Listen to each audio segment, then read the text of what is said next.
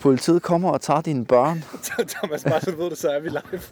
Er vi live? Nå, okay. Vi er ikke live, men vi er på. Nå, vi, nå, okay. Du skal da sige sådan noget start. Nej, det er fordi, det er sjovt jo. Har du ikke set, der er mange store podcasts, som gør det, at de starter, mens de siger Det noget er da sjovt, slet og så de overhovedet ikke sjovt nu, fordi du sådan overtaler det.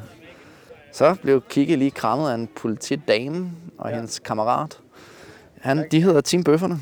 Team Bøfferne, Kiki og Ja, Kim- Kiki og Esben Bragason.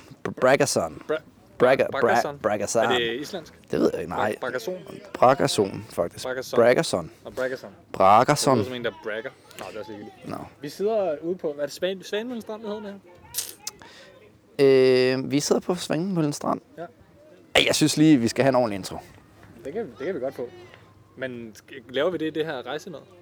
Jamen, så øh, velkommen til rejsepodcastet. Velkommen til CrossFit-ministeriet tager til Norges Face Off. Lige præcis. Og vi, er her i dag for at øh, dække det og følge med og snakke med en masse mennesker. Og så i morgen så øh, for dig og Nikolaj jo lov til at dække det live på stream. Ja, det gør vi. Og der er det selve face-off-konceptet, vi kommer til at dække. Men i dag er det mere sådan en traditionel øh, CrossFit-konkurrence, vi skal dække. Øh, det er øh, lidt en form for øh, sådan time trials, de kommer til at, at, at lave, lidt som man gør i Formel 1, for at finde ud af, om man starter i pole position eller på anden, tredje, eller helt ned til 16. pladsen i morgen, øh, i forhold til de hold, der går videre til, til morgendagens øh, face-off-konkurrence.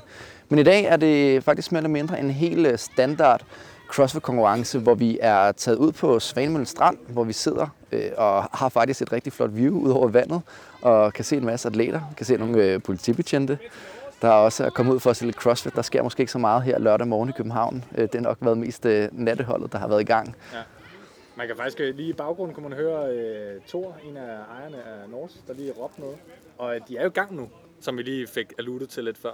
Ja. De løber faktisk atleterne foran og det er RX, der er gået på øh, rækken. Er det ikke sådan? Det er RX, der er gået på nu. Det er sådan, vi har to rækker, der stiller op i den her weekend. Vi har en uh, intermediate-række, som uh, har været i gang allerede nu, og så har vi en RX-række. Og det er sådan set mere eller mindre de samme, uh, eller den samme workout, de skal igennem uh, i dagens anledning. Det er, hvor de starter med at gå uh, en, en relativt lang distance, et par hundrede meter, øh, med en uh, D-ball carry, sådan en tung kugle, de skal gå med. Og, og der har altså været nogen, der har været ret udfordret med den, øh, så vi øh, her til morgen, da vi kom. De fleste kender den fra boksen, de her D-balls, de her sådan lidt forvoksede, øh, hvad skal man sige, medicine balls, der, øh, der vejer helvedes det. Det må man sige. Ja. Og, og, og vildt uhandig at gå med. Og så øh, skal de ud øh, på en lille svømmetur, hvor de så slutter af med at løbe. Så det er lidt en form for, ja, duatlon, triathlon, om- man vil. Så øh, en god morgen, dukkert. Det er sjovt, det her Run Swim Run har jo været lige siden, øh, hvad hedder det, jamen, det meste af den her sæson har Run Swim Run virkelig været stort som event til mange konkurrencer. Også til Butchers øh, Classics. Ja, det, det er ikke lang tid siden, at jeg selv øh, var ude øh, på sådan en tur der, og Nej. jeg tror bare, at det, er- det er noget, øh, der er på de her konkurrencer, som varer mere end en dag, øh, hvor man har muligheden for at komme ud uden for boksen og, og lave et event. Og det tror jeg egentlig også, det er sådan okay simpelt at sætte op, når det kommer til stykket. Mm. Altså, der er selvfølgelig øh, nogle øh, kystlivreddere med ude i vandet, som har sat nogle bøjler op, og som selvfølgelig også er ude på nogle øh, paddleboards og sådan ting, hvis nu er, man er, er ved at drukke det bogstaveligt talt. Det er der nogen, der er, når de er ude at svømme, fordi at de ikke har de store egenskaber ude i havet. Jeg kommer til Men, at tænke, øhm, undskyld afbryde, jeg kommer simpelthen til at tænke på Elijah Mohammed, uh, Easy, uh, den store uh, løfter, som har været CrossFit Games atlet 3-4 gange, mener jeg. Ja. Som det første år til Games, der var svømning. Det, var, det kom som en overraskelse dengang stadig på det tidspunkt. Det var inden det blev altid, at der var svømning til, til Games, efter de flyttede til, til Carson i Kalifornien. Uh, der lå han simpelthen ude på et uh, paddleboard endda, og uh, kunne ikke komme videre og var ved at drukne, synes han selv, efter svømmeturen. Ja, men Først svømmer de så det er paddleboard. jo, og det er noget, man, man ser, fordi at folk er udfordret, men altså, vil sige det sådan, at de forhold, der er i dag, det er altså vanvittigt godt vejr, og det er, altså, havet er helt stille. Øh, det, det bliver ikke bedre øh, forhold at svømme i, faktisk. Altså, så, så hvis man er lidt bange for at svømme og sådan ting, så, så, så er de heldige i dag, atleterne. De er ikke så langt ude igen i forhold til bøjen. Altså, det er Nej, men, men til gengæld, øh, altså, der vil jeg rose dem for at sætte en ordentlig svømmebane op i dag, fordi til Butchers Classic, der må man altså sige, de fejlede lidt ved at, at lave en bøjle, det, bare sætte en enkelt bøjle, det vil sige, at man svømmede sådan lidt i en trekant. Det, så, så det endte med, at ud af de 500 meter, som de havde tiltænkt, vi skulle svømme, så svømmede vi måske 200 højst. Mm. Fordi man kunne gå Fordi man kunne simpelthen gå øh, de første øh, 150 meter ud af havet. Ikke? Ja. Øhm, I dag har det gjort sådan, at man er tvunget til at svømme langs stranden. Øh, så på den måde kan du ikke bunde, når du øh, svømmer fra den ene bøje til den anden bøje. Så det er kun på vej ud og på vej ind, du kan det. Øhm, ja.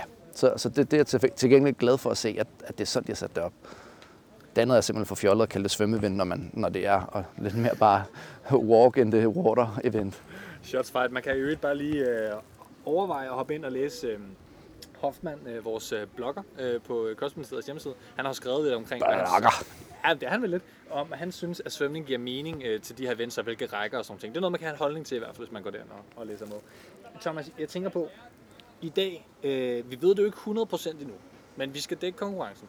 Og hvordan vi kommer til at gøre det, kommer til at være på Instagram, øh, Facebook øh, og vores podcast her, som kommer ud øh, i aften, så man kan nå at høre det ind i morgen. Og så kommer der et live update show. Og er der noget, øh, er der noget som du tænker, du vil lægge, lægge fokus på? Hvad, hvad, hvad kommer til at være fedt?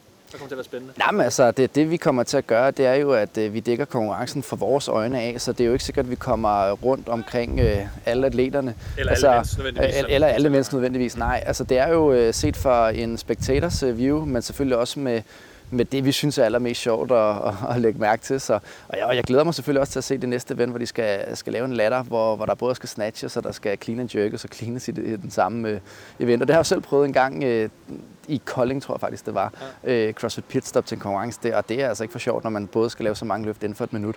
Øhm, så, så, så vi kommer helt sikkert til at, at, at dække det i forhold til, hvad vi synes er det fedeste, men jeg tror også, det er det, der er sjovest at høre på, at øh, I får vores syn på, hvad der er sjovest. Helt klart.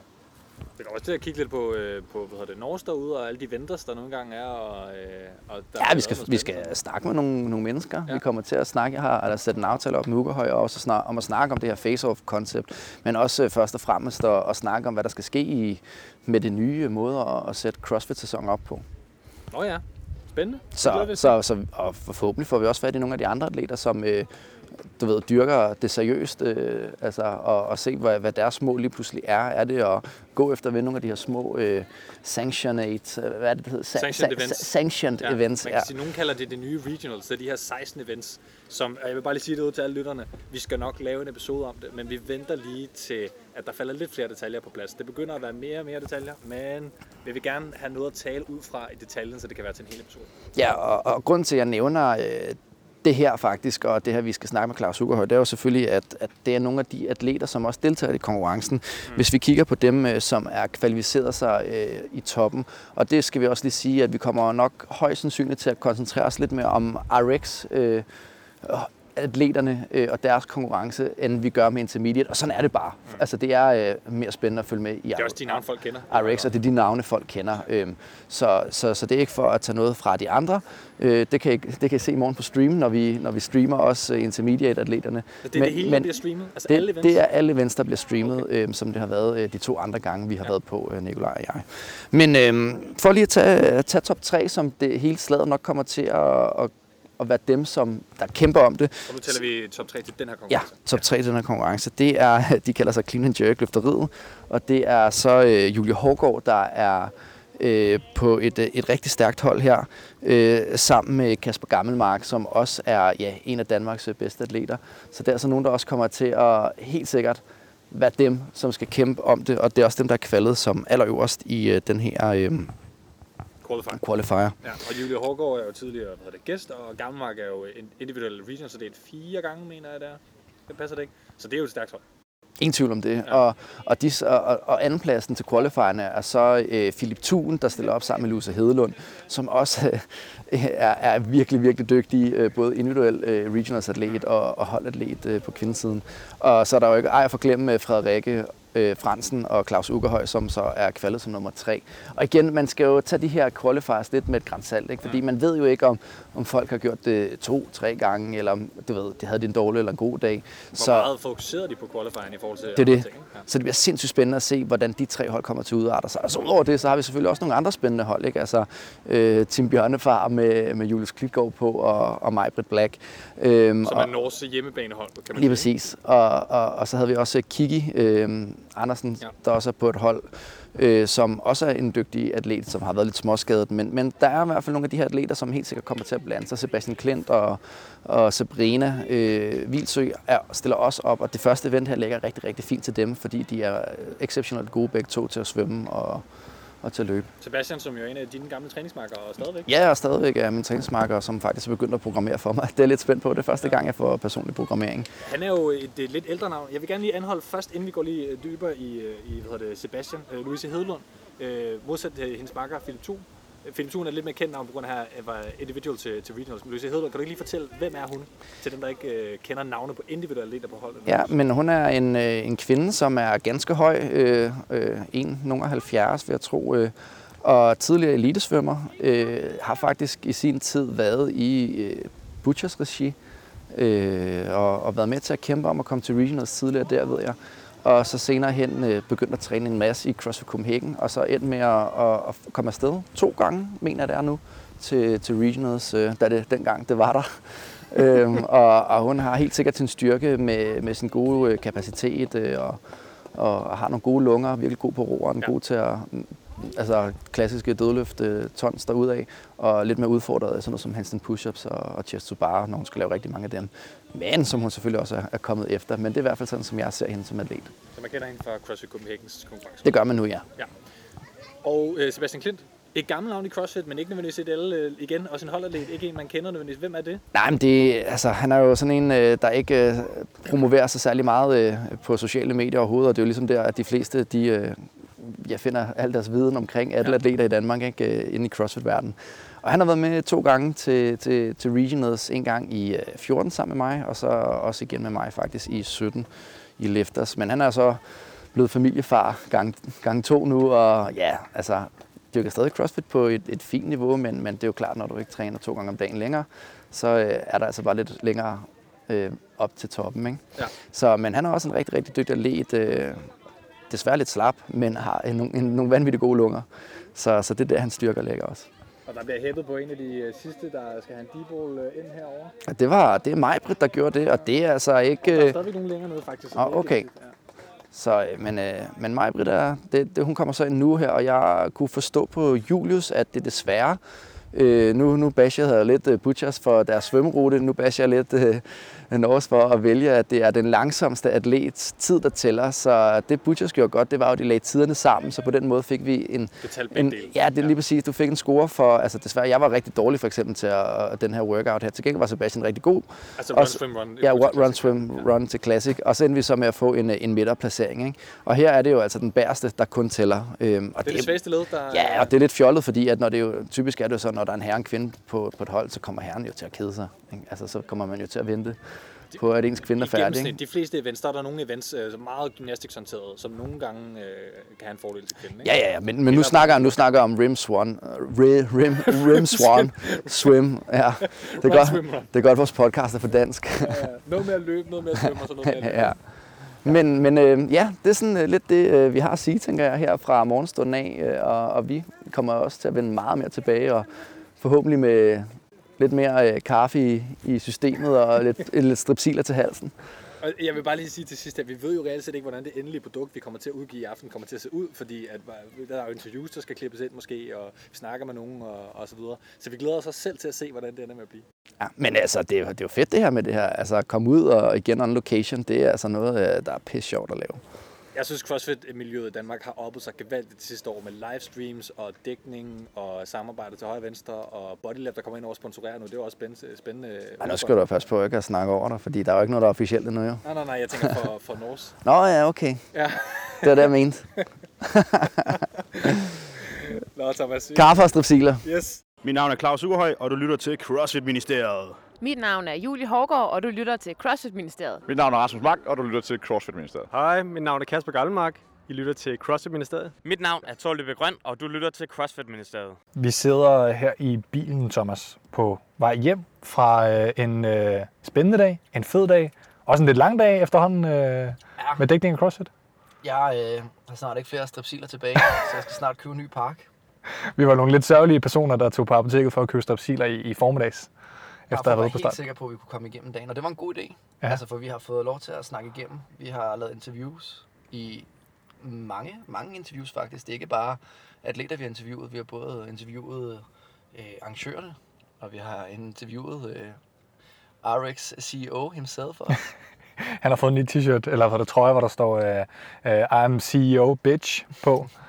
Det så meget fedt ud. Men vi talte faktisk med, med, med Rasmus. Jeg rendte øh, lige ind i Rasmus Mark, og du var gæst i episode 15, tror jeg det var, om, øh, om Norse Face-Off og arrangere konkurrencer og, og så videre. Og Rasmus, nu er lige rendt ind i det. Du er en af arrangørerne bag det hele. Det hørte vi jo om sidst. Men kan du også lige fortælle, øh, hvad går du og laver for tiden? Hvad har I i pipelinen og så videre? Jamen så først og fremmest så har vi et, øh, et relativt presset øh, efterårsprogram med, med så både to first timers, nu er den første om 14 dage. Øh, vi har lidt skælekonkurrencer blandt andet i Vidar, øh, og så har vi jo vores, øh, vores nye, øh, lidt store projekter, lidt store satsning med, med Battle of Badges, øh, en first responders konkurrence, hvor vi, hvor vi forsøger at ophøje det her first responders koncept lidt, og så lave en, konkurrence udelukkende for dem. Vi har jo, øh, altså både Nikolaj, Thomas og jeg har jo alle sammen meldt os til Battle of Badges. Kan du øh, lige øh, sige et eller andet om, hvor fedt det bliver? Altså, hvad, kommer, hvad kan vi forvente os? Kan du sådan give os lidt tips på forhånd? Øh, først og fremmest så er det fedt, at I alle sammen er med. Det er, ja, opbakningen har været super fed, øh, og jeg håber selvfølgelig, at der er endnu flere, der både vil, øh, vil deltage, men også i høj grad være med som tilskuer. Vi forsøger så vidt muligt at bygge det op som noget, som en oplevelse også for tilskuerne. En ting er selvfølgelig selv at være reglerne, men også, også vores venteområde, hvor vi har snakket med selvfølgelig forskellige interessenter, blandt andet Thin Blue Line, som, som arbejder sammen med politiet, vi har snakket med forsvaret. Så jeg håber på, at det også er en oplevelse for andet end atleterne. Det, det, det kunne jeg godt ønske mig, det blev. Og om det så måske ikke ikke sparker helt taget af bygningen dernede i år, jamen så har vi måske en, en idé om, hvad vi skal gøre næste år. Vi glæder os i hvert fald meget til at se, og, fedt med det her Service Open-agtige projekt, kan man sige, en dansk konkurrence. Øh, der er fucking mange konkurrencer i Danmark for tiden. Er der for mange, Rasmus, og øh, har du nogle tanker omkring det? Det er jo ikke, altså, det er jo ikke et atypisk spørgsmål, øh, specielt ikke når man ser vores konkurrencekalender. Øh, jeg håber på, øh, Øh, inderligt på, at, at det udbud, vi har, det også stemmer nogenlunde overens med, med den efterspørgsel, der er. Øh, når vi begynder at opleve, at, at opbakningen ikke er der, eller, eller hvordan der hvorledes, så, øh, så, så reviderer vi naturligvis vores program, og hvordan der vi bygger det op. Men når det er sagt, så øh, for eksempel vores Christmas Showdown, som afholdes i CrossFit øh, 8800 øh, i Viborg, øh, der var rigtig, rigtig god opbakning, øh, og det er tre måneder fra nu, og, og der er masser af konkurrence i mellemtiden. Så, så så længe at jeg føler og oplever, øh, at der er en, en, en overvejende opbakning omkring det, så, så håber jeg på, at, at, at miljøet vil, vil bakke det op og være med til at fortsætte. Og det sidste spørgsmål. Det nye uh, CrossFit officielle sæson. Og vi kender jo ikke detaljerne og alle sådan ting, men CrossFit-ministeriet regner, som lytterne derude ved jo, at det er så mere eller mindre officielt, på grund af, Greg Glassman har sagt det i, i flere hensener. I hvert fald de ting, som ikke er detaljerne. Mm. Kommer det til at ændre noget, tror du, i den danske øh, konkurrencesæson, eller hvad man kan kalde det?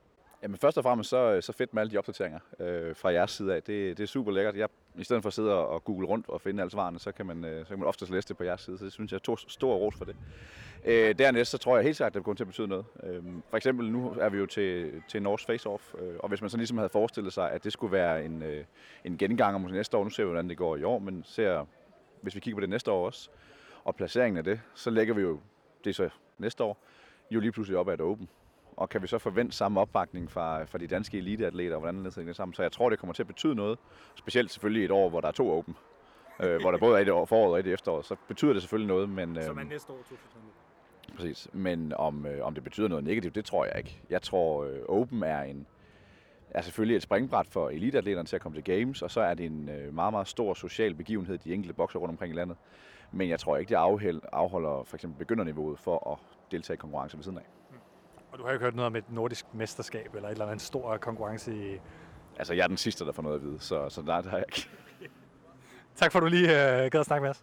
Og lidt. Og øh, de andre arrangører, vi også talt med, det var jo øh, hvad hedder det, ejerne af Norse, men inden vi lige kommer til dem, så talte vi også med nogle af atleterne i løbet af dag. Og det første interview, vi lavede, det var med øh, Claus Ugerhøj og Frederik øh, Fransen. Efter hvilket event var det, vi fik talt med dem? Var det efter to? Det var efter vores øh, latter ja. øh, hvor de havde været inde og, og lavet en ganske udmærket præstation på latteren, og var ret tilfredse med de tal, de ramte ovenpå en, øh, en lidt svær start ude i svømmeventet. Ja, og faktisk så speakede vi afslutningen på det event, blandt andet med Claus Ugaard Snatch, og det klipper vi lige til først. Så. Vi kører med speak nu, Thomas. Nu er der speak. Jamen, øh, velkommen øh, tilbage til podcastet her. Vi er lige nu direkte i gang med at se, hvad der sker på gulvet i forhold til vores øh, vægtløftningsdel. Så de er i gang med den her ladder, hvor der både skal snatches, clean and jerkes og eventuelt cleanes, hvis man selvfølgelig misser nogle af de andre løft. Og det bliver lidt øh, speciel måde, vi kommer til at gøre det på. Vi forsøger så vidt som muligt at guide igennem. Vi har Julius Klitgaard i billedet lige nu, der cleaner den sidste vægt på 135 kilo. Og laver et meget nemt øh, jerk også. Så han øh, kommer igennem latteren med clean and jerket. Øh, af de dygtigste hold, vi har på gulvet lige nu, der har vi øh, Frederikke Fransen, som øh, er i gang med at clean and jerke 80 kilo. Og Claus Sukkerhøj har lavet de 115 kilo, som er på den samme bane. Øh, og jerket var nemt for Fransen, så hun kommer også videre her. Så de øh, tre forreste hold lige nu øh, er ret, ret tætte på hinanden. Jeg vil tro, at det ender med, at øh, Julie Hårgaard øh, er den, der kommer til at lave øh, det stærkeste løft på kvindesiden, mens Philip Thun øh, helt sikkert øh, kommer tæt på at kunne gennemføre ladderen. Spørgsmålet om, at han får 135 i snatch, det tror jeg ikke, jeg vil mene, at det er for tungt for ham. Men 125 er realistisk, og der er ikke lang tid til, at han skal gøre det. Nu, øh, nu har vi øh, stadigvæk Gammark og Julie, Philip og Hedelund, Claus Ugerhøj og Fransen, og så er det forreste hold øh, som fire hold tilbage. Og vi fik et nemt snatch på øh, 115 for Philip Thun, men i billedet der fik vi altså Claus Ugerhøj med 125 kilo i snatchet. Sindssygt godt og rigtig, rigtig vigtigt for øh, Frederikke og Ugerhøj, fordi Frederikke er ikke lige så stærk til vægtløftningsdelen, som øh, Julie Hårgaard er. Så for dem handler det om at placere så højt som muligt, så sindssygt godt løft af Claus Ugerhøj her. Nu går vi så videre til 125 og 85 for Thun og Hedlund om et øjeblik, mens Julia Julie og Garnmark de går videre til 115 og 80. Og ja, der går ikke lang tid til, at øh, vi skal have Gammelmark og Hårgaard op på de tunge vægter. Det, der bliver spændende at se, det er, om Julie bliver den første kvinde i dag, som kommer til at snatche 80 kilo. Så øh, hun kommer i billedet lige straks, når øh, uret tækker ind her. Det gør det her. Det er sådan, at man har 50 sekunder til at gennemføre løftene, 10 sekunder til at skifte, og så er vi så fremme til næste vægt. Og, øh, Uger, og her gør Thun klar til at snatche 125. Det var godt nok nemt. nemt. Det var så meget vanvittigt nemt ud. Og, i- Julie... Ja, hun har den. og både Julie og øh, Gammelmark clear den tredje sidste vægt, det vil sige henholdsvis på 115 kilo og 80 kilo. Så de er det første hold, der er nået så langt, uden at have misset nogen vægt indtil videre. Og Galmark tager lidt hurtigt, lidt øh, power clean og power jerk. Og Ugerhøj færdiggør selvfølgelig også ladderen på de 135 kilo med et power clean, der var meget nemt på 135 kilo. Og jerk efterfølgende, så det så rigtig nemt ud. Spørgsmålet er, jeg tror ikke, vi fik set, hvor langt Frederikke kom. Jeg vil ikke tro, hun har været op på nødvendigvis. Måske hun cleanet 90 kilo, det, er, det kan hun godt. Og muligt vi også fået jerket det. Det fik jeg faktisk ikke set. Fik du set det, Jonas? Absolut. Vi, kigger, vi sørger lige for at få set alle løftene. Jamen det er jo sådan, at vi kommer til at interviewe lidt senere øh, Frederikke og øh, Claus, så der kan vi jo selvfølgelig spørge dem om, øh, hvordan det gik Frederikke der. Nu går vi så til 135 og 90 for øh, Philip og Hedelund, og 125 og 85 for Gammelmark. Spørgsmålet er, om man prøver at snatche det i første omgang. Nej, det gør han ikke. Han øh, vælger at, gå direkte på går clean and jerk. på. Og det er lidt ærgerligt, at vi ikke har øh, den her ladder på øh, de 130 kilo. Så Julie, Julie har 85 oppe. og Julia har 85 kilo oppe. Ja, det var det, jeg forudsagde. Jeg tror, at det bliver 85 kilo, hun ender på, men vi får se.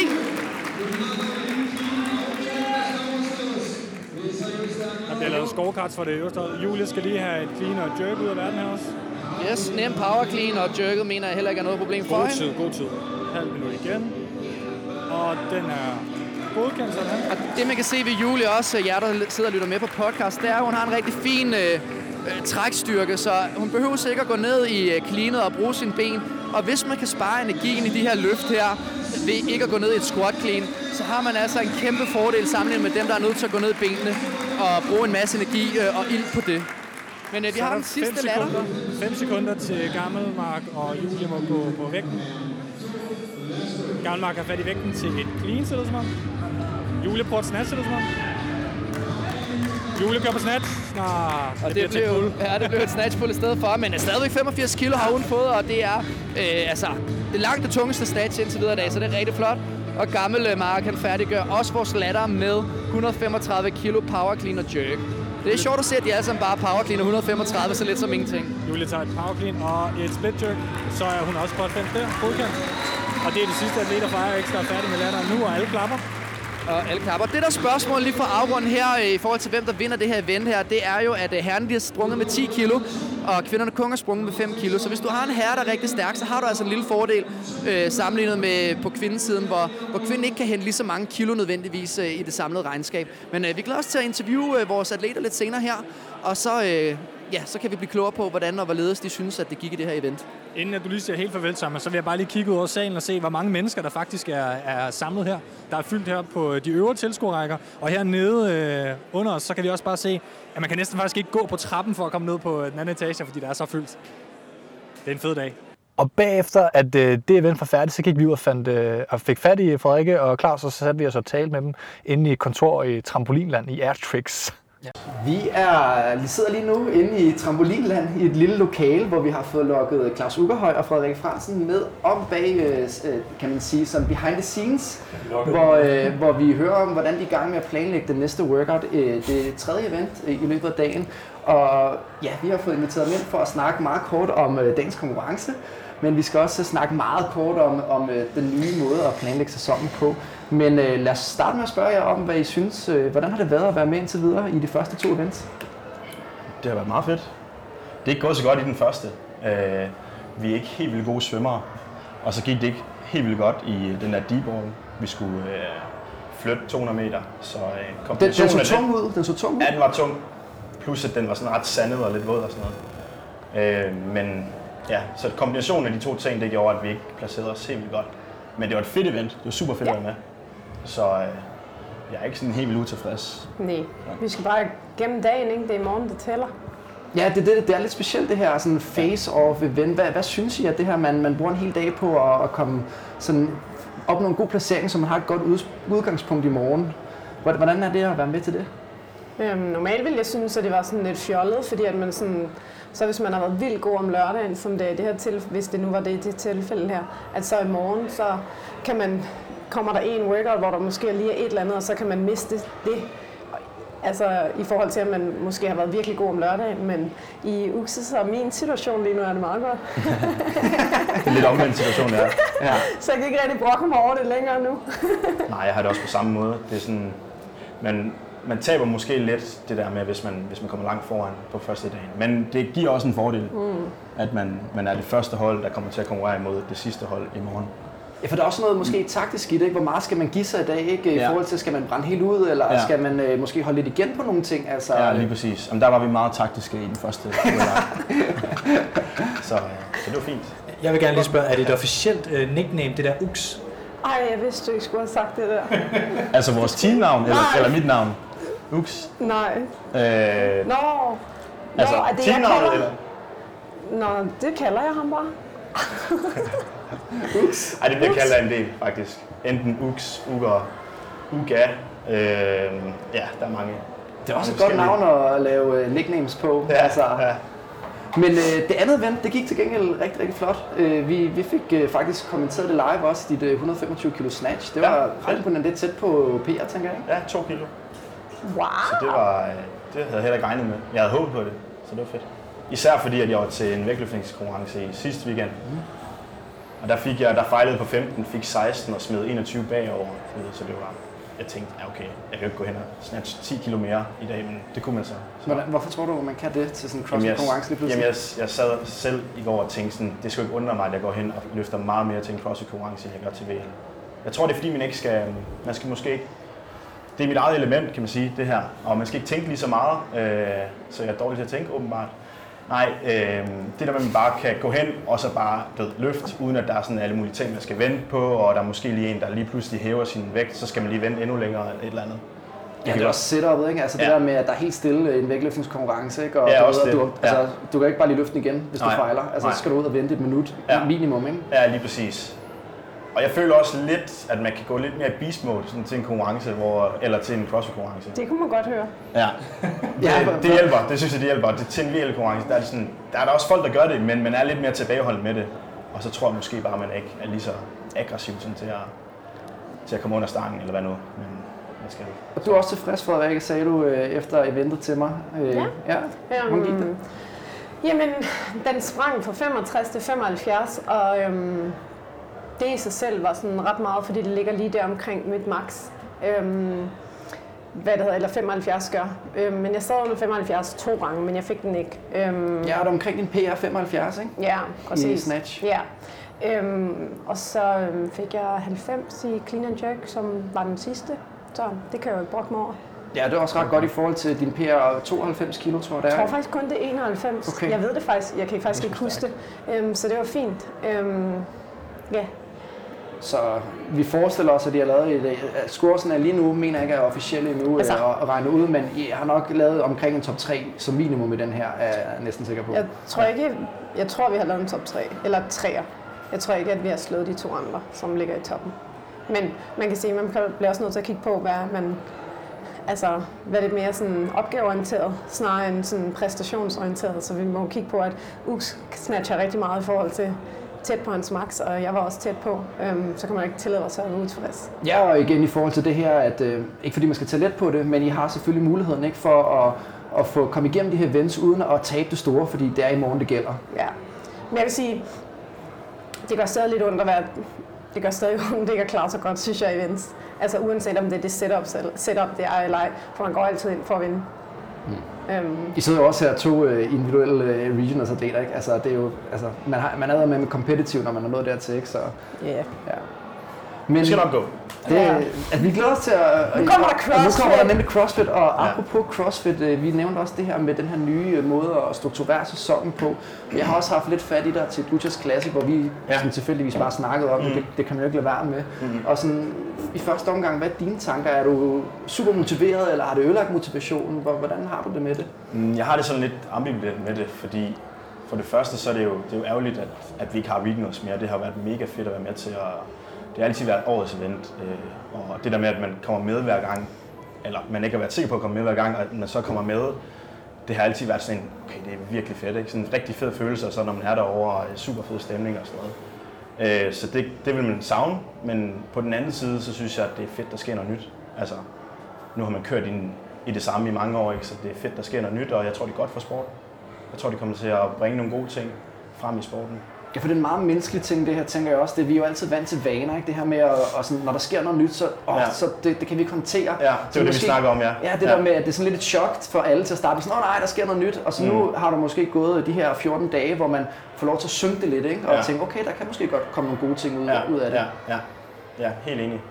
Helt enig. Jeg, er- jeg er spændt på at se, hvad der, hvad der sker. Der er lige kommet nogle nye nyheder, er der ikke det omkring, at der er endnu flere sank- sanctions? Ja, sanctions, det er det her med, at der er de her 16 sanctions, Ja. ja. og, og nu begynder de at åbne op for at offentliggøre, om er det French Throwdown, der også er en del af det, og Ja, de her ja. europæiske events her, men, men det er ikke helt offentliggjort endnu. Nå, okay. Nå, men jeg hørte bare, at der var 10 events, der blev offentliggjort i går eller sådan noget. Nå, Det glas, man har sagt, er, at 13 af dem ligger fast allerede. Nå, okay. Men, men de er jo ikke blevet annonceret officielt. Og Nej. French Throwdown har han sagt af det, men sådan på en podcast, sådan lidt i et interview. Ja, okay. Det, er- ja. det er jo det så her man ved ikke, hvad man skal regne med. Nå, problemet er, at CrossFit er ved at ændre hele deres news cycle fra at være dem selv, der står for det. De har fyret alle dem, der skal stå for det. Ja. Så de, de kan jo ikke stå for det. Nej. Og så begynder han at hoppe på, øh, ja, han kunne være på CrossFit-ministeriet, hvis det var en Ja, ja. international podcast. Ja. Og så siger han lige en, en bemærkning. Nå ja, og så i øvrigt, så gør vi med eliminering for eksempel til games, så er det sådan, at vi gør det. Så ja. der er ikke nogen sådan, folk tænker, what, og hvad så? ja, der er ikke en rulebook. Ja, nej, den mangler vi ikke. Men Okay. hvad, hvad, hvad tænker du om det hele? Ikke nødvendigvis om det nye format, men altså, er du motiveret til at fortsætte med at, at, at træne lige så hårdt, som du har gjort? Eller? Øhm, jeg prøver også at have sådan lidt afstand til det, fordi at jeg ved godt, at jeg er ikke så god til ændringer. Generelt, jeg er meget rutinepræget. Øhm, og så har jeg bare taget lidt et skridt tilbage. Nu skal sidder jeg også med speciale, og jeg er færdig med studiet her til januar og sådan nogle ting, så det kan godt være, at det kommer helt af sig selv øh, på den front.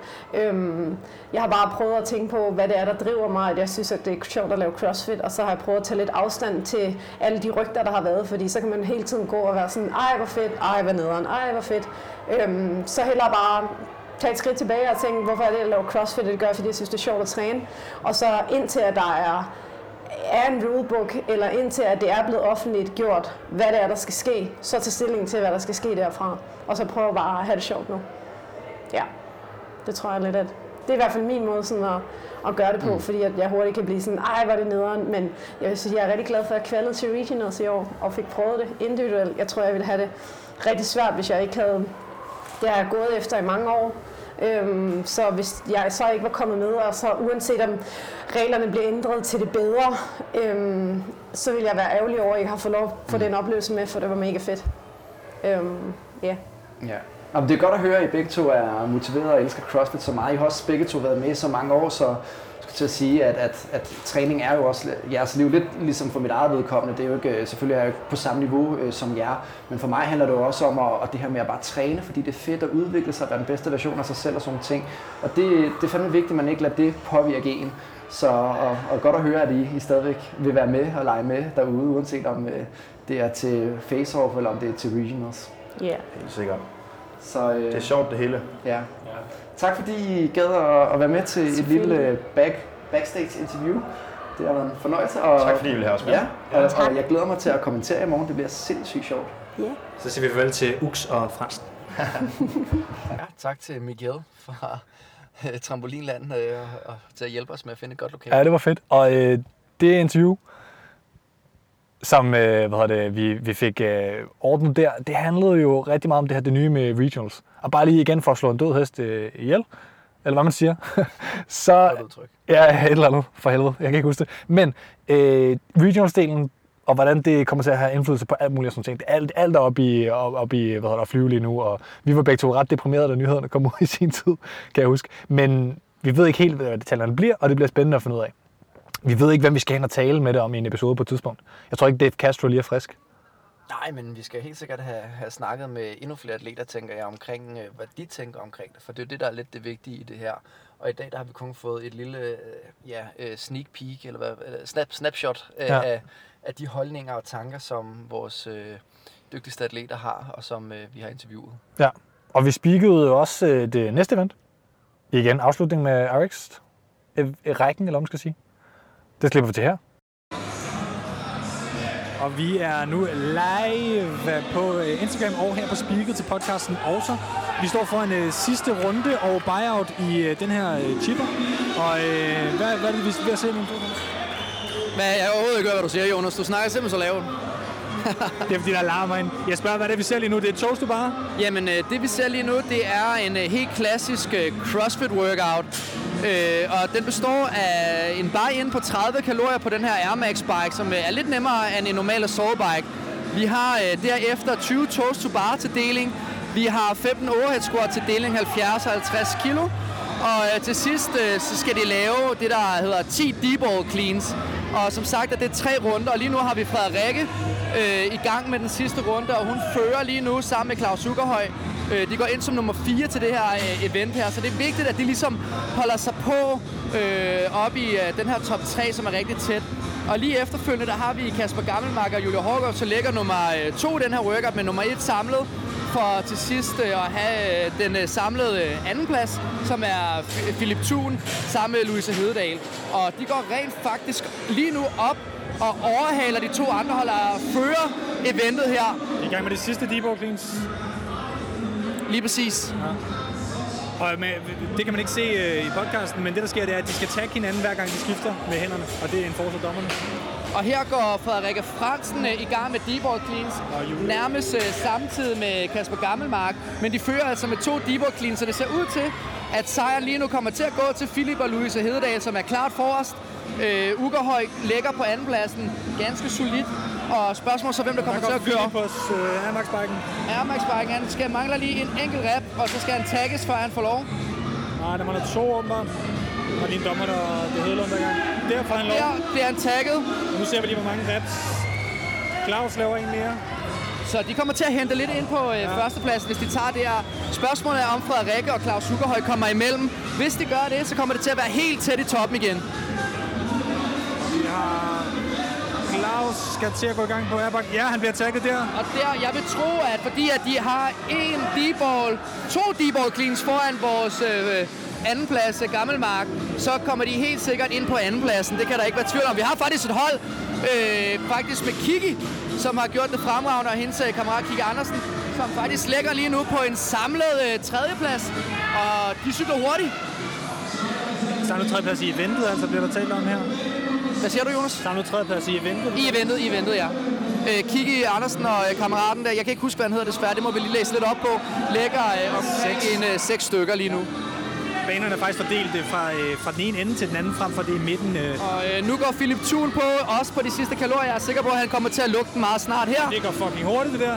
Har du galt, der bliver presset igennem? Men det gør der også dernede fra de andre baner nu. Og spørgsmålet er, at vi skal holde øje med Kikis marker her. Hun går af nu, så nu får markeren lov til at køre færdig. 4 kalorier tilbage til Philip uh, Thun.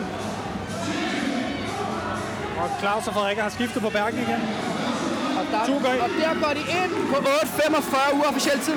Men til gengæld så ser det ud til, at vi får en, en anden plads, der kommer rundt om til Kike Andersens hold. Fremragende kode af dem. Og hvem bliver den næste? Det ser ud til, det er Ugerhøj her, der skal til at lukke dem. Vi har ikke set nogen hænder i vejret nu. Julie og Gammelmark skifter dog igen. Det må være Claus, der lukker den for deres hold. Sindssygt nok, og det er altså en enorm flot position på den der øh, Assault Airbike, der gør, at de tager ja. andenpladsen. Kig Andersen, her kommer Ugerhøj ind, og de tager tredjepladsen.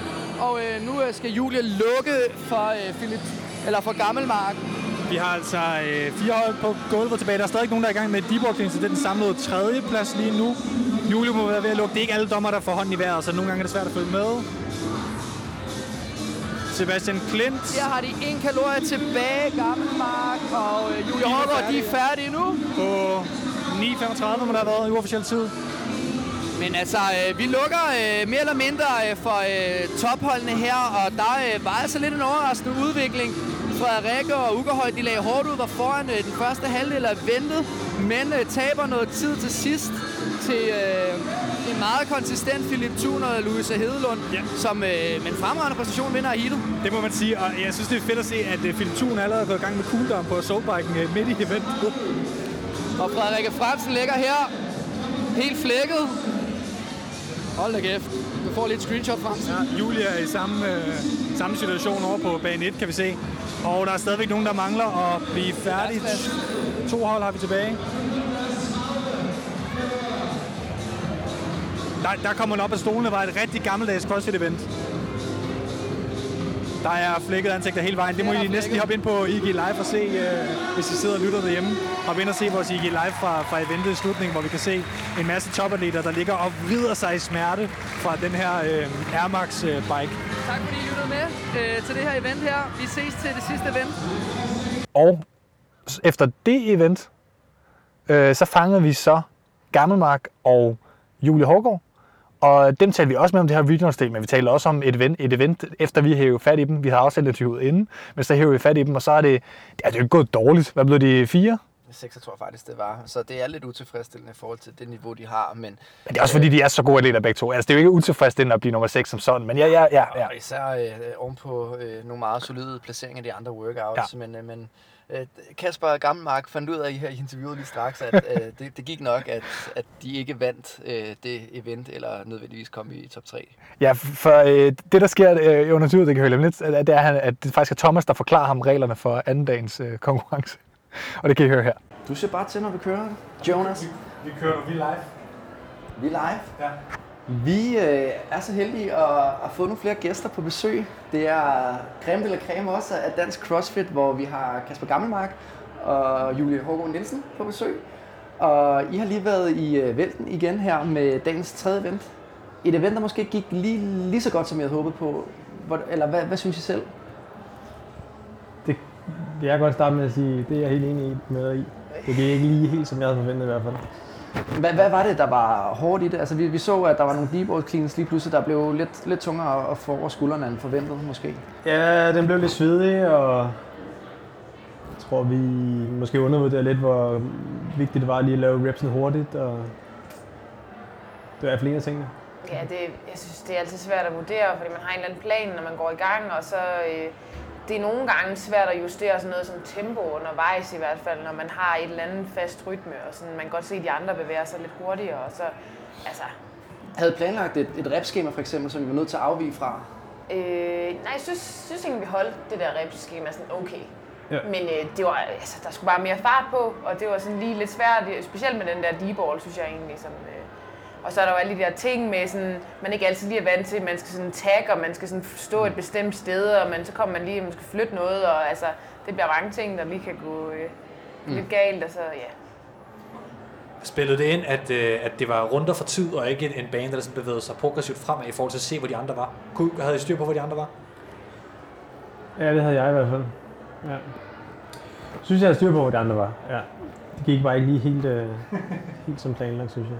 Men det er jo til gengæld gået ganske udmærket, både i kvalifikationen, fordi der har I jo taget pointene med, den vandt I, og I har jo egentlig også øh, gjort det ret fortændeligt i de første to workouts.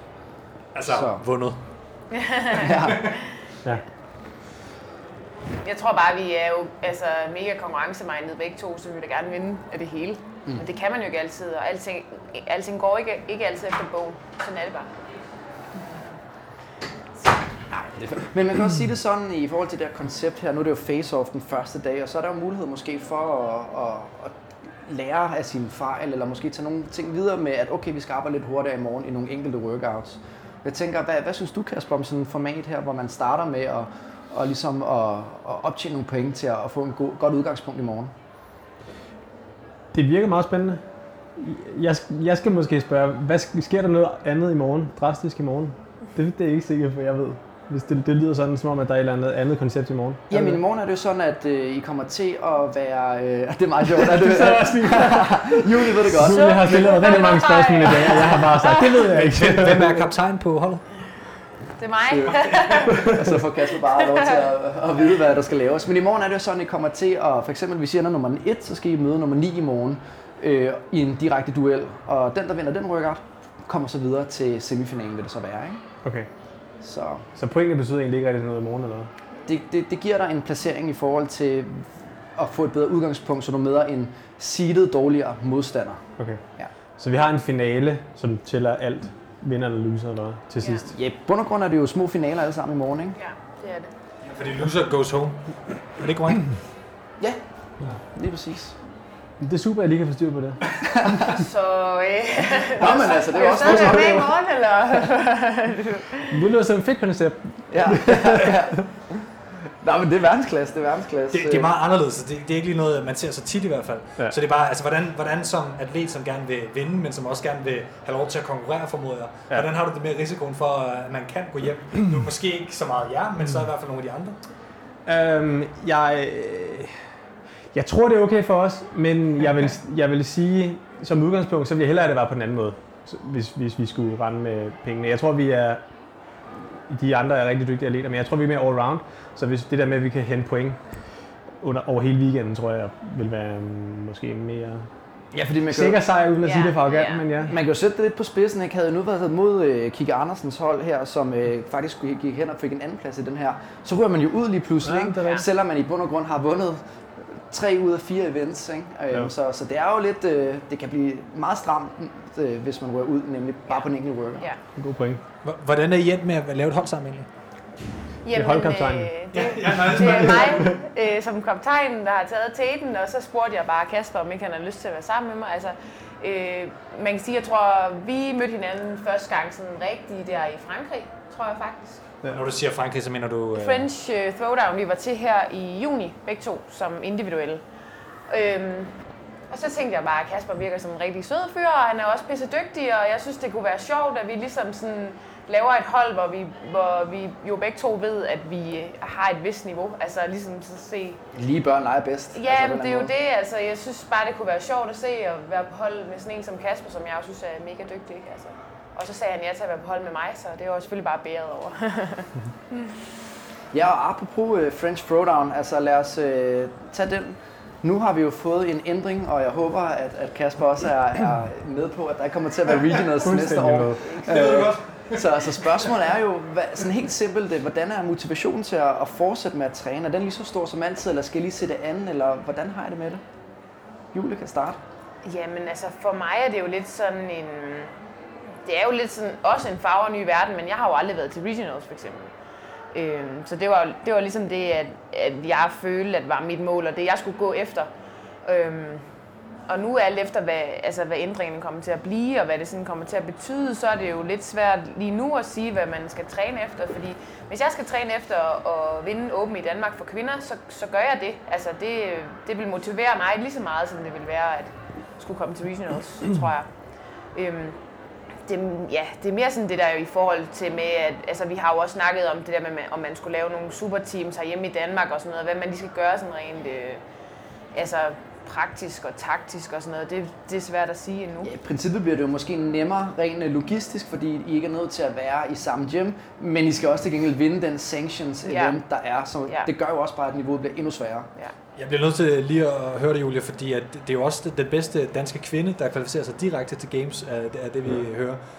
Det er vel også et andet måde at gå efter. Ja, i Open, ja, præcis. det- altså, det- hvor du har ligget ret godt til, må man sige. Så det er måske faktisk øh, en, en måde at komme forbi regionals lettere på næsten, eller hvad?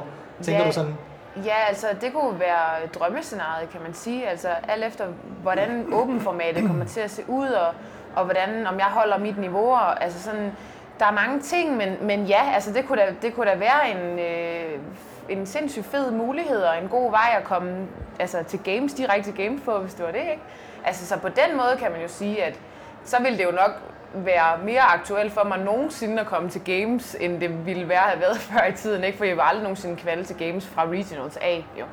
Så på den måde bliver det spændende at se, hvad det, hvad det kan være. Så, så det lyder som om, at din motivation stadigvæk er ganske i top i forhold til i hvert fald at fortsætte det, din udvikling. det synes jeg, altså den, den er uændret, men jeg synes, det er synd på en eller anden måde, sådan at man at jeg for mit vedkommende aldrig kommer til at komme til regionals, for eksempel. Hvordan har to øh, hvad skal man sige, rotter til regionals, han som heldigvis individual og team det, hvis man lige må tage sådan en Jamen, altså, retrospektiv først og fremmest er det jo interessant med i Kaspers øh, henseende, fordi at han har jo været der i fire år nu, ikke? hvor du ikke, har, kan man sige, på samme har været der. Så, så det er jo lidt, altså, hvad, føler du, du kommer til at gå glip af noget? Øhm, jeg var rigtig glad for Regionals. Øhm, det har ændret sig meget, øh, synes jeg. Nu, nu bare for ret lidt. Øh, Jeg var der i fem år og prøvede tre forskellige steder nu. Øhm, det, var, det var en speciel følelse at være med. Der, øh, man, man gik efter selvfølgelig at kvalde til games, men for, for at sige, om det er godt, bedre eller dårligere, øhm, jeg vil gerne lige vente og se, hvad det... Altså, de har ikke meldt noget helt ud endnu, CrossFit. Øhm, men at hvad man har hørt, så, øh, så synes jeg egentlig bare, at chancen er blevet større for at komme videre. Altså, i og til med- games? Til games fra regionals af. Ja, for du er også en atlet, der rent faktisk har vundet øh, nogle af de her muligvis kommende sanctions events. Altså sådan noget som, øh, du var deltog i Belgian Throwdown for eksempel og vandt. Øh, så, så der er måske noget, der åbner sig op for en type atlet som dig faktisk. Jamen, det er rigtigt. Øh, men jeg tror så også, at de her, nogle af dem, bliver måske lidt øh, stærkere besat, hvis man ved, at der er en chance for at gå til games. Men, men jo, der, der er en chance. Øh, Så Og du så- tænker på, at du hænger i også øh, i forhold til... Nu tænker fordi også som vi snakkede med Frederikke og Ugerhøj om, at det her med, altså har I stadig motivation og drive, ikke? Altså det er jo det, der er interessant, ikke? Og folk tænker, Åh, stopper I bare, fordi at nu er der ikke noget at regionals, ikke? Så, men, men det lyder som også, at du tænker, at Ej, fitness, jeg det er tænker i liv. hvert fald helt sikkert ikke- på at stoppe lige nu. i hvert fald. Jeg synes, det, det er bare at køre videre. Har man en selvforståelse, og nu ved jeg godt, at vi, vi foregriber det lidt, og vi har ikke fået en regel på endnu, det snakker vi også med, med Ugo og Frederik om, vi poster en del om, at vi kender ikke detaljerne nu, men øh, før så man sig selv, identiteten, jeg vil forestille mig, du havde, var som regionals-atleten, øh, Kasper Gammelmark, det er det, folk vil kalde dig ude i byen, hvis man kan sige det sådan. Hvad, hvad er man nu så, hvis man ikke er regionals-atlet længere? Er man sanctioned øh, event-atlet, eller hvad tænker du? Jamen, det er det. Det ved jeg ikke, hvad folk kommer til at kalde hinanden. Det, det kan jeg ikke sige. Mm. Øhm, det bliver nok mere på præstationen ud til de der sanctioned events. Det kan godt være, at det, man bliver sådan en uh, sanctioned, re- uh, sanctioned athlete. Det er ham, der vinder Belgian Throwdown hvert år. Jamen, så er det måske, jeg, jeg tænker måske, at man er typen, der kommer, man, man har tre af dem fast, man tager dem til hver år. Man tager jo nok ikke til alle 16, det er jo fandme rejseomkostninger, vil være vanvittigt, ikke? Jo. Jeg, jeg tror egentlig, man, altså jeg har en fornemmelse af, selvom jeg aldrig har været til regionals, at når man møder folk til konkurrencer og sådan noget, så ved man godt, hvem der er dygtige, uanset hvor de har været henne, fordi også at de der konkurrencer rundt omkring i Europa og i verden resten af året også betyder noget for, at man kan se, at folk er gode. Ikke? Så jeg har egentlig en fornemmelse af, at man stadigvæk ved, hvem der er dygtige, altså, og man tænker på dem som nogle, for eksempel altså, øh, europæisk dygtige atleter, og så sådan, man ved jo godt, at Kasper er dygtig. Altså, det, er sådan, det ved alle. altså, og sådan, Jamen, du har også været for eksempel i Swi- uh, Swiss Alpine, Swiss Alpine uh, Swiss, Battle, ja. ikke? Altså, og der får man jo også en god fornemmelse af, hvordan er niveauet der, ikke? Altså, Ja. hvem er det, man skal konkurrere med, hvis man vil opnå en podieplads, de her konkurrencer? Er der noget af det, vil turde gætte på? Altså French Throwdown har Glassman sagt i en anden podcast, øh, som ikke er vores, det er ikke lige os, han annoncerer det igennem. Men at French Throwdown er ja, den næste, der kommer til at blive annonceret som officielt annonceret. Ikke? Men øh, har I nogen idé om, hvad øh, de to sidste events eventuelt skulle være i Europa? Fordi der er flydende om måske tre. Vil I, vil I gætte på, hvad det næstbedste efter French Throwdown er, hvis det så er det bedste i den her måde at gøre det på? Øh, hvad der allerede er nu.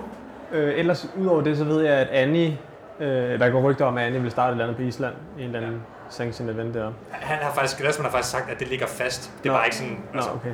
annonceret endnu. Ja. Det kunne godt... Øh, Jeg hørte også, at øh, Amsterdam Throwdown måske skulle blive sanctioned nå, event. okay.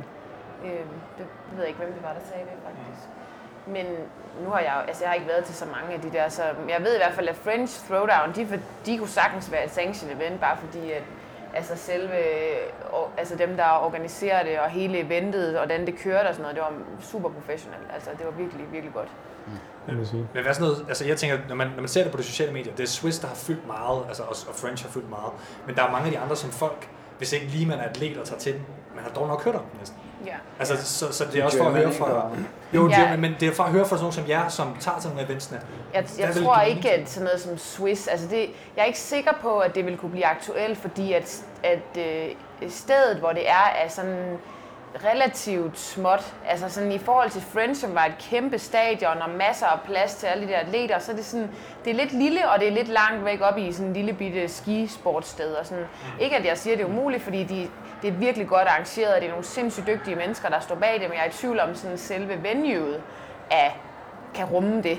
Øh, men det, jeg er jo i tvivl om, hvad kravene er til de der sanctioned events. Jo. Sådan, ingen ved det rigtigt jo. Så. Nej, lige, lige præcis. Jeg kan selv huske, jeg ved heller ikke, om du har været med øh, her lige inden vi runder af, til Athletes Games i sin tid. Altså det var, der var jeg også selv med. Det var en af de største sådan, individuelle konkurrencer for mit vedkommende.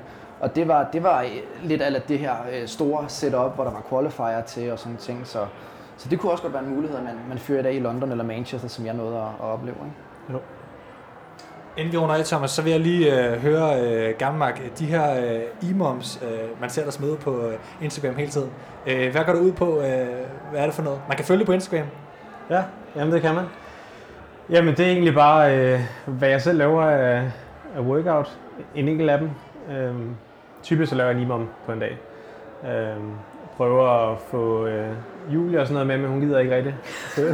Det er klart, når det er sådan noget sindssygt lav, et power eller et clean på, hvad var det? 90 i vi så jo i dag, du løftede tungere end mig, så det... Nå ja, ja, men så gør jeg det bare. Du gør det bare, præcis. Hvad hedder den? Øh, imam a day eller sådan noget på, på Instagram? Eller? Today's imam. Ja, okay. Ja. Ja. Så der kan man ja. følge det og se dig lave nogle imams. Ja, Og du laver stadig det der Froning Friday, eller hvad? Er det sluttet? Fordi det, det, Øh. det synes jeg var fedt at se. det, øh, det er gået lidt koldt lige nu, men øh, prøver da at få det op at stå igen. Ja. Jeg har Fedt. ikke, har ikke lavet det i noget tid nu. Nej. Har du nogle afsluttende bemærkninger, Thomas? Nej, men jeg synes, det var verdensklasse. Jeg er glad for, at vi fik øh, Kasper med øh, i dag også. Øh, så Tak fordi at, ja, og, håber selvfølgelig ikke, at det er sidste gang. Øh, det er virkelig hyggeligt også som jule at, at få nogle gæster igen. Øh, ja, så, så tak for det. Tak fordi I måtte være med.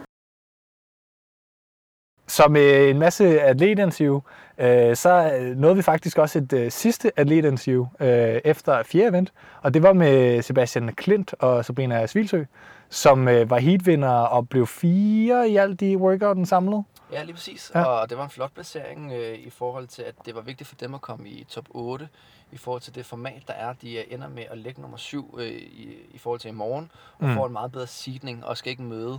Hvis de nu var enten nummer 9 eller 10 eller 11 for den sags skyld, skulle de møde nummer 1, 2 eller 3. Øh, Så det havde været noget rigtig juks. For dem var det vigtigt at lave en, en god øh, placering i den workout.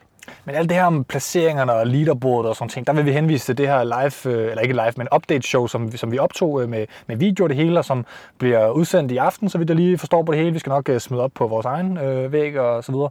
Men også i morgen, inden streamen går i gang, når dig og Nikolaj skal, skal speake. Men dem snakkede jeg også med Sebastian og, og Sabrina, og det kan I høre her.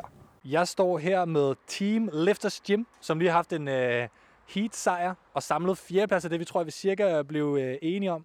Og øh, Sebastian og øh, Sabrina, nu kommer jeg til at sige dit efternavn øh, forkert på, eller skrive forkert på, øh, på Instagram, men, men Vildsø, bare lige, Ja, Vildsø. hvordan har I det efter sådan en øh, heat-win, selvom det ikke er sådan uh, regional, så, det, så er det stadigvæk okay stort? Og... Jamen, det var super fed, fed øh, måde at slutte af på. Øhm, vi har haft lidt op- og nedtur hen over dagen her, så det var super fedt at slutte af med en heat sejr. Her op- og nedtur. Kan du fortælle lidt mere om, hvad, hvad det indebærer? Jamen altså, vi har jo nogle styrker og nogle svagheder. Vi vidste godt, at øh, snatch og clean jerk det ville være en, en, en nedtur, det må man så også sige, det var, placeringsmæssigt. Og øh, så fik vi så en anden plads i første workout, så det er vi også svært tilfreds med. Så jeres øh, håb omkring øh, kvalifici- altså kvalifikationen videre, nu ved I cirka, hvor I kommer til at ligge samlet, ikke? Øh, så I ved også cirka, hvad, hvad I kommer til at skulle, skulle op imod. Det er et lidt anderledes sådan, øh, format, det her, end man, man ellers er vant til fra, fra konkurrence. Hvad tænker I om, om morgendagen, og hvor I ligger nu? Og sådan? øhm, jamen, Det var et stort spørgsmål. altså, jeg tror, at øh, med, med det format, der er, så øh, kan man meget hurtigt komme ud fra, at der er nogen, der har nogle rigtig, rigtig gode styrker, som så kan gå ind og klare det godt, selvom man ikke ligger så godt kvalifikationsmæssigt. Så øh, jeg tror, alt kan ske i morgen. Og har du også nogle tanker om i morgen, øh, Sabrina, inden jeg lige putter en mikrofon i hovedet på dig, sådan uden... Øh... Øh, nej, jeg glæder mig bare til at gå ud og have det sjovt. Og gå efter at vinde. Så kommer vi videre, og så bliver det sjovere. Det er det eneste. Nu stiller jeg op fra øh, Lifters øh, Gym. Vi snakker jo nogle gange om Lifters Gym i, i podcasten, men hvad er Lifters Gym øh, lige hurtigt? Øh, det er en CrossFit Box nede i Køge, øh, som er et rigtig, rigtig hyggeligt familiested. Øh, lækkert community. Alle bør besøge det, hvis de kommer lidt syd for København. Den workout, I lige har vundet øh, heatet i, øh, kan I fortælle, hvorfor I var så meget hurtigere end alle de andre i jeres øh, heat, og jo altså kørt op mod de bedste næsten i, i det bedste RX heat? Har I en forklaring på det? Helt sikkert Sabrinas burpees. De er fandme hurtige. Jeg vil, jeg vil næsten have dig selv til at sige det, men Sabrina, men Thomas og jeg, vi stod op og kommenterede sådan speaker det, og altså, vi, hvordan gør du det så hurtigt over baren? Det forstår vi ikke. Øh, hopper, og så handler det jo bare om at komme ned til jorden så hurtigt som muligt. Og det er jo ikke, fordi det er det, der kræver mange kræfter. Bare flyt benene og flyt armene, så er man nede ved jorden. Og gjorde en forskel, at der var to barbells, man skulle hoppe over? Det er et anderledes hop, end man er vant til, hvis man virkelig er sådan træne sin bevægelseseffektivitet i normale øh, barfacing burpees. Øh, jeg vil sige, jeg var en lille smule øh, nervøs for det i fredags. Men jeg synes ikke, det gjorde en forskel, når man stod på gulvet. Så hoppede jeg bare lidt. Havde I prøvet eventet inden det blev offentliggjort, hvad? Nej. Vi har ikke prøvet noget. Vi er kommet og taget det, som det kommer. Øh, hvad, har I set nogle af workouts for i morgen? Nu kigger jeg. Ja. Øh, har I øh, en holdning til, til nogle af dem, eller noget, I glæder jer til mindre mere end andet? Eller? Hvis, ved, nu, jeres konkurrenter kan selvfølgelig være, at de lytter med, så I skal passe på. Nej, altså den, den første bliver rigtig sjov, tror jeg. og Det, det gør den anden også, hvis vi kommer så langt. Det ved vi jo ikke endnu. Jeg synes, nummer to, den, den virker lidt tung med den fatbar der. Det bliver mange dødløft. Er fat bare noget, I normalt øh, har fat i? Vi har lige været ude og, og lave en episode med Mikkel Light, og det var noget, vi snakkede om der. Der er ikke så mange gyms, der har en fatbar liggende, kan man sige. Nej, øh, jeg tror, vi har fået en i sidste uge. Øh, det er ikke noget, jeg har prøvet kræfter med endnu, men øh, det kan være, jeg får lov til det i morgen. Vi glæder os til at følge jer i morgen. Hvis der kommer flere burpees i nogle af workouts, så håber vi, du er med, Sabrina, så vi kan stå og ikke forstå, hvorfor du gør det så hurtigt. Det håber jeg også. Ja, tak for det. Og som afslutning på dagen, så hæver vi også fat i øh, vores øh, venner fra Nors, Torbjørn og Jesper, som er ejerne af Nors, og som jo hvad skal man sige, ligger, ligger sted til hele eventet. Og de havde det her at sige om Nors Face-Off og øh, selve Nors. Jeg står her med øh, ejerne af Nors CrossFit, eller bare Nors i øh, sådan daglig tale, og øh, de er jo en af arrangørerne bag øh, Nors Face-Off. Og det er henholdsvis øh, Thor og Jesper. Jeg kan lige sige hej til jer. Hej Thor. Hej. Og hej Jesper. Hej med jer. Og øh, hvordan har det været her i dag at have sådan en, en kæmpe konkurrence? Er det, den store, er det den første store konkurrence, I har i Norge egentlig, øh, Torbjørn?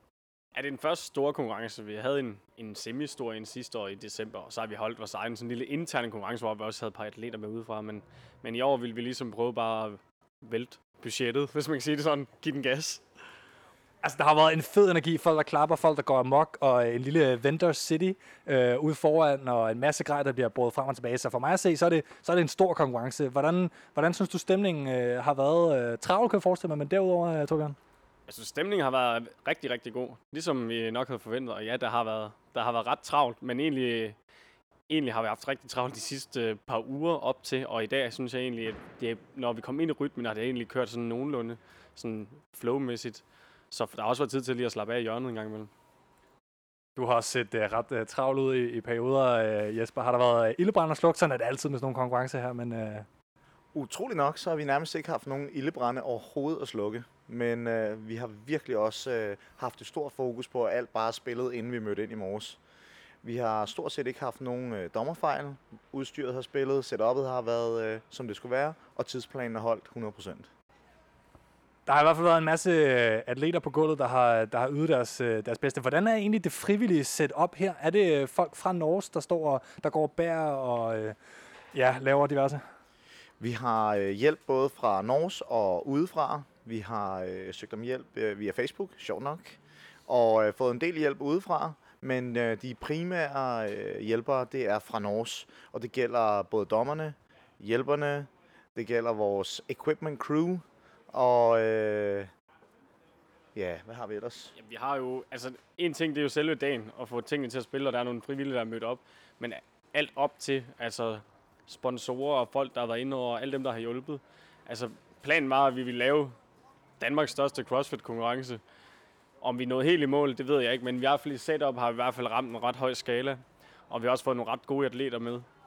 Øh, og det har krævet en masse sponsorer, blandt andet øh, Bodylab, som har været hovedsponsor på arrangementet og har givet nogle penge. Og det har vi også fået øh, blandt andet øh, Purity, Fitness Gro, Crossmax, Noco Barbell. og Barbells.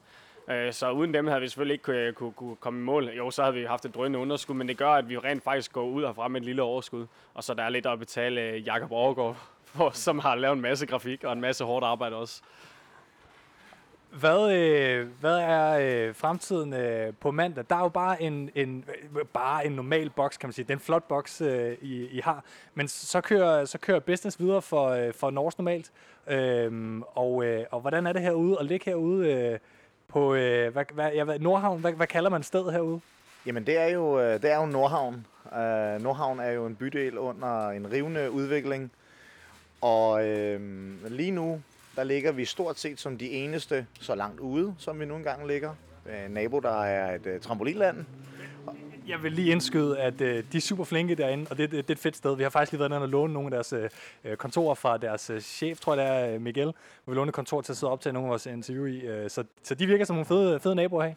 De er nogle øh, rigtig fede naboer at have, og det er fedt, at vi kan have opbygget sådan et, øh, et aktivt øh, område herude sammen med Airtrix. Og øh, det nyeste er faktisk, at der kommer noget øh, paddeltennis, som åbner også i vores bygning. Jeg ved ikke, hvornår det sker. Jeg ved bare, at det lige er, er ved at falde på plads. Mm. Øhm, vi, vil, vi vil jo nok altid øh, kæmpe en lille smule med vores øh, location, da de fleste de vil køre forbi øh, i hvert fald et enkelt CrossFit-center, inden de kommer til Norge eller tre, hvis man er, hvis man er rigtig uheldig. Men det gør også, at folk, der kommer til Norge, er typisk nogen, der brænder lidt mere for det, og det gælder uanset øh, hvilket niveau man er på. Øh, vi har nogle super lojale medlemmer, som virkelig brænder for både Norge og for CrossFit, og det gør det endnu federe for os. Det er i hvert fald ikke nogen hemmelighed, at, ja, som Jesper siger, at øh, location har været vores sådan, største udfordring. Og vi har da også øh, i december måned sådan, stået og kigget hinanden dybt i øjnene og tænkt, øh, nu kører vi altså på. Det handler om at hise i maven. Men skuden er også vendt. Altså, vi er, det er væltet ind med medlemmer hen over sommeren, og vores bedste måned var faktisk august måned med hvad, 36 medlemmer? Nej, vi fik øh, faktisk 40 øh, nye medlemmer i august. 40 nye medlemmer i august, som uden kampagner. Og så øh, har vi lige fået nogle af 60, altså sådan noget, hvor vi kørte en kampagne hen over en weekend. Så vi er oppe omkring øh, ja, godt højt medlemstal, og vi, vi satser der på at skal nå vores målsætning til næste sommer. Og det ultimative kunne jo være at få så mange medlemmer, man kunne sådan nærmest lave medlemsstop, og så få en, få en venteliste, og så måske endda også ja, begynde at tjene nogle penge. uh, penge. Spændende. Det er jo altid spændende i crossfit at, at, at komme til der, hvor man skal, skal tjene pengene. Øhm, hvorfor hedder det egentlig Norse, har jeg kommet til at tænke over? Jamen, øh, den kan jeg hurtigt øh, forklare. Vi brugte øh, rigtig lang tid på at finde et øh, super godt navn, og et super godt, lad os kalde det, tema. Og øh, i og med, at vi gerne ville ligge i Nordhavn, så ville vi gerne have noget med nordisk, øh, noget med nord, et eller andet den dur. Og så har vi leget en lille smule med ordene, lidt ligesom øh, Lego eller Noma med sammensatte ord.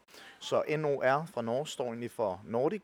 CE øh, har vi fundet fra to af de 10 CrossFit-domæner. Balance og Endurance. Men i og med, at vi ikke øh, kunne få det til at hænge super godt sammen med de forreste bogstaver, måtte vi tage endelserne fra det. Og ved et tilfælde fandt vi så ud af det her NOR CE. Det udtales på samme måde som Nors med S, som betyder nordisk. Så det er egentlig sådan en, en dobbelt, dobbelt konfekt i samme, i samme ord. Ulven på væggen, det er jo selvfølgelig Fenrisulven. Det siger sig selv. Det var faktisk ikke øh, klar. Så der er noget nordisk mytologi øh, ind over der. Fedt med sådan et øh, nordisk, øh, nordisk øh, tema.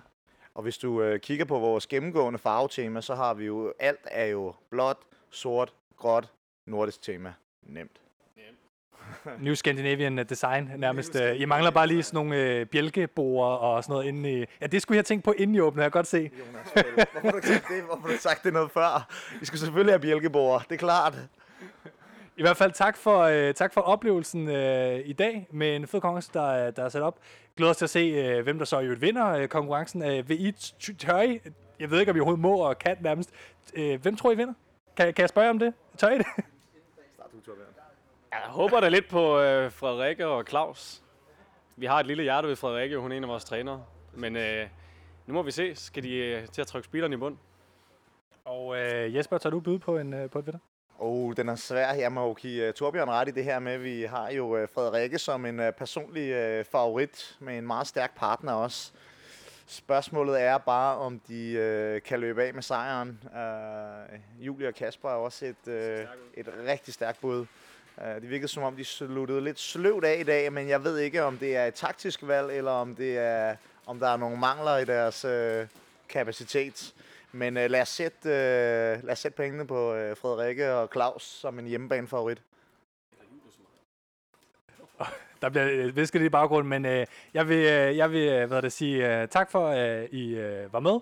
Og så kan man jo tage ud øh, til Nordhavn og øh, se, hvad det er for noget med ham der Torbjørn og ham der Jesper ude i Norge, så hvad det er, de har lavet. Uden øh, bjælkebord, men med en øh, Fenris ulv. Tak for det, Jonas. Tusind tak, Jonas. CrossFit. Det var en masse mennesker, vi fik øh, snakket med i løbet af dagen. Vi fik også øh, minklet og snakket med en masse andre, som vi ikke optog. Ja, og live uh, speaks af, af de her events, og det kan være, at det lyder lidt hektisk, når man sidder og lytter til det, men jeg håber alligevel, at det på en eller anden måde har givet en fornemmelse af, hvordan det har været at deltage i en uh, CrossFit-konkurrence for vores øjnes og, og synspunkt. Uh, ja, hvad, kan man sige? Ja, som tilskuere, som tilskuere, CrossFit-elskere, sådan, ja. Øh, så vi har prøvet at give jer det bedste og, og det mest exciting, der har, er sket øh, fra vores øjne af. Ja, og, og til det hører, som vi også øh, sagde, da vi lavede op til det update show, at det er ikke fordi, vi ikke vil dække intermediate, men det er bare det, det sidste RX-række heat med de allerbedste atleter, som er det sjoveste og mest spændende og mest vilde og de tungeste snatches Ja, og osv. det handler også om at holde energien ikke, øh, nogle gange øh, for Ja. vores vedkommende, og det er jo, som vi har snakket om, altså der er jo bare færre mennesker, der ser øh, spillere, der spiller fodbold i anden og første division. Det er Superligaen, man, man synes er det mest spændende, der hvor de fleste tilskuere er. Mm. Ikke fordi vi ikke vil give shine til de andre, det gør vi også øh, så vidt som muligt faktisk, for vi vil gerne øh, ligesom øh, støtte op omkring det her, at, at CrossFit er for alle. Men når det handler om at komme ud og dække øh, en CrossFit-konkurrence, så vil fokus være på vores dygtigste atleter. Og, og der dukker altså også nogen op, øh, ligesom øh, Kike Andersen i dag og, og Esben, øh, som har gjort det rigtig godt, øh, og, og af den årsag får en masse shine, øh, fordi at de ja, Ja. ja. nærmest øh, præsterer for det. Ikke? Ja, det er jo så selvfølgelig også fra RX-rækken, men, men jeg hører helt præcis, hvad du mener. Det øh, har været en øh, fed dag. Jeg glæder mig til at se, hvordan det kommer til at være med på livestream i morgen. Der kan man følge med på, på Facebook fra klokken 8-ish af, eller sådan noget lignende. Er det ikke meget ja? Og øh, hvad hedder det, selvfølgelig husk at gå ind og se alt videomaterialet i Story og Instagram Live, som vi har kørt i løbet af dagen. Og rigtig, rigtig, rigtig meget, alle kære lyttere og følgere, vi vil rigtig gerne høre, hvad I synes om øh, vores Instagram-dækning og vores måde at lave den her rejsepodcast-agtige ting på igen med Insta, med CrossFit Ministeriet øh, tager til Norges Face-Off, og øh, hvordan vi skal gøre det næste gang, hvis vi gør noget lignende. Øhm, og selvfølgelig anmeldelser og stjerner og alle sådan ting kan vi altid øh, godt lide. Og det hedder anbefalingerne øh, nu Nå. på Facebook. Okay. Ja, du kan give os en anbefaling. Ja, og selvfølgelig også på iTunes. ja. Jeg vil bare lige hurtigt også sige tak til alle atleterne, de frivillige og øh, arrangørerne af det her øh, event for muligheden. God CrossFit! Vi er live, Jonas. Det er jo fucking spændende. Fjerde event, sidste heat. Det er de bedste nu. Det er dem, vi formentlig kommer til at se øh, nogle af de her hold i finalen også på, øh, i morgen. Uden tvivl. Altså, i det næstbedste heat her, der havde vi øh, heatvinderne Sabrina Vilsø og Sebastian Klint, som kom ind på en tid på 7.45. Øh, var det endda 6.45? Det var 6.45, vi er helt nede på. Uofficiel tid. Det betyder altså, at det kommer ikke til at tage meget mere 5,5 minutter, små 6 minutter, før den her workout den er færdig. Og vi har i bane 1 stadigvæk øh, Julie og Kasper, som vi jo lige har talt med i det lille interview. Så har vi Hedlund og øh, Philip øh, i bane 2. De to har to point imellem lige nu. Og så har vi øh, Uger og, øh, og Frederikke på bane 3. Det er tre tophold lige nu, og det er også dem, der har lykket det siden starten af dagen, mål or less jo. Uger og Frederikke rykker lige en plads op i sidste event. Lige præcis. Det bliver rigtig spændende at se, hvem øh, der ender med at få de bedste seedninger til morgen. Og rent faktisk, de første, der kommer videre, er Frederikke, øh, Fransen og Claus Zuckerhøj, som også var de dem, der startede med at føre, men de er i sidste workout. Men de er allerede tre muscle-ups foran, og jeg forestiller mig, at Ugerhøj han kører unbroken på de her otte, for ligesom at spare så meget tid som muligt. Og det vi øh, har at gøre med, er en øh, DT, der er blevet peppet op. Og øh, det betyder, at øh, vi er startet med nogle øh, dødløft, og så øh, laver vi øh, 10 burpees, og så bagefter så øh, skal vi over og lave nogle muscle-ups. Og Frederikke her i billedet er, går så i gang med det, der hedder hang power cleans. Og samme koncept med vores burpees og vores muscle-ups. Og de er altså langt foran øh, i forhold til de andre hold. Hun har altså fire hang power cleans foran Philip øh, Thun og Louise Hedelund, som lige nu ligger på andenpladsen. Og øh, samlet fire, og muligvis også i workouten, har vi øh, Kiki og partner. Hvem er det, der er sammen med Kiki, Thomas? Ja, jeg ved det stadigvæk ikke. Det skal vi have undersøgt. Ja, men, det skal vi nok få gjort. Jeg Men, øh, men de to... har Øh, lige nu med at, at få, hvad hedder det, interview i kast og sådan ting, men øh, ja. i morgen på stream, der bliver vi meget klogere på, hvem øh, navnene er øh, i forhold til at kunne vejlede jer derhjemme.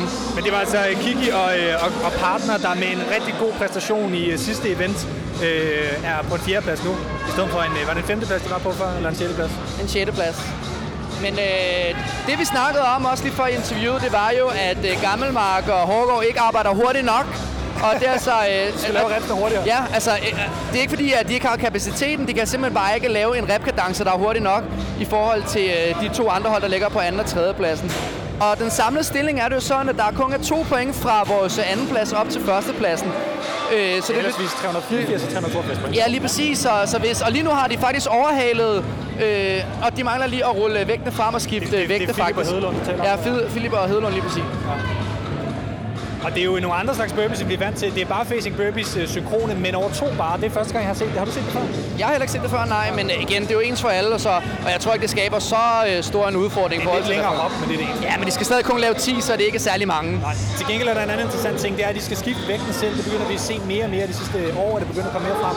Det synes jeg er en fed taktisk ting, det stod vi lige tale om øh, før. Der skal man tænke sig om, ikke at lave det forkert. Jamen, det er klart, at man mister en masse tid, hvis man fucker op her. Og det bedste eksempel var jo selvfølgelig Patrick Wellner, som man så øh, fedtet rundt med hans øh, skift på vægten i den aller sidste workout over til Games i øh, finalen.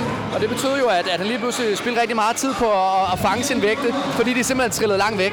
Han mistede 45 sekunder, fordi den trillede helt ned på en anden bane, og han skulle over en dommer for at løbe op.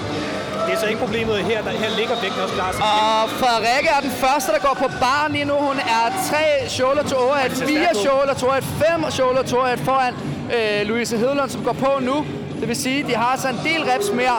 Og det, jeg tror også, vi kommer til at se, det er, at Ugerhøj, han skal forsøge mest muligt at køre unbroken på de øh, sidste muscle-ups, vi kommer til at se lige straks. Til synkrone. Og de kommer til at tage den her sejr. Ugerhøj kommer til at lave 8 unbroken muscle-ups til allersidst, det er ingen tvivl om. Nu har han fået pause på øh, shoulder to. Ja, og det er fem reps, øh, Hedelund var bagud, da de startede på burpees, de skulle lave på shoulder to derovre. Det er en god lead stadigvæk. Og vi snakker om, at vi kommer ind og får en tid på under 6 minutter. Det tror jeg også, vi kommer til. Der er gået 4.45 lige nu. Og Kasper og Julia er deres muscle-ups nu. Og de har så en samlet tredjeplads lige nu, så det ser ud til, at de kommer til at holde sig øh, inden for top 3 i den her workout. Altså samlet i eventet. I eventet. Yes. og der er ikke rigtig nogen af de her tophold, der falder udenfor i forhold til, hvor langt øh, bagud 5 og 6 er i Og her. Frederikke starter faktisk med at lave tre muscle-ups her, og må ikke, at Ugerhøj så lukker den med de her fem her. Men det er jo sådan set fornuftigt nok, de er langt foran, så det bliver ikke noget problem for dem at tage øh, sejren her, medmindre ringene selvfølgelig falder ned. Ej, det ser stærkt ud for Ugerhøj. Det, det, det, der bliver spændende nu, det er, hvor langt Kasper og Julie kommer til at være bagud. Er- Kommer Kiki ind foran dem igen den her gang, som i sidste event? Det er spørgsmålet på up, som de kan holde kadencen der. Det finder vi ud af, at de ligger her i billedet som øh, nu her, og laver... Øh, og her kommer Frederik ind på 5.34 officielt sammen med Ugerhøj. Yep. Og der bliver klappet godt igennem i salen her, som I kan høre. Det bliver spændende. Jeg kan ikke, jeg, der er ikke øh, hånd i vejret, dommerne viser ikke. Var det den sidste, de vil være på? Yes, sidste rep her. Og spørgsmålet er så på vores første og fjerde plads. Ja, de kommer først yes. over til øh, burpees, men den er, Det er helt samtidig næsten. Jeg tror, at... Kasper øh, Julia lige efter. Det er Kasper, der tager ringene først. Kasper skal ikke bruge så lang tid på at bruge det, som de andre skal. Så han, han lukker den her. Rutineret regional atlet. Så de er halvanden muscle foran lige nu øh, over på bane 1 i forhold til Kiki og partner på bane 4. Og Hedelund og Biskov er altså inde til dem, der ikke er på videoen. De kom ind øh, lige inden at de andre gik videre til muscle ups. Og der gik uh, Kikis partner ned. Og Kasper kører bare videre. tager dem alle sammen selv, eller hvad? Ja, det, det gør han. Og de løber ind der, Julie og Kasper løber ind nu. Men det er altså en stærk tid af Sebastian Klint og Sabrina. De kommer altså meget sandsynligt ind her på en øh, samlet Samlet, øh, det kommer, de kommer Ja. ikke til at ende. De har to ret tilbage. Så øh, spørgsmålet, om man fejler det sidste, det må vi se. Og der var et Ja, det gør han, ja. Så øh, de kommer altså ind på en samlet fjerdeplads, og Kikkes hold kommer ind på en samlet femteplads. Hvad mindre Rene falder ned. Det gør... Åh, oh, der er ikke et lockout. Ja, havde den, ja.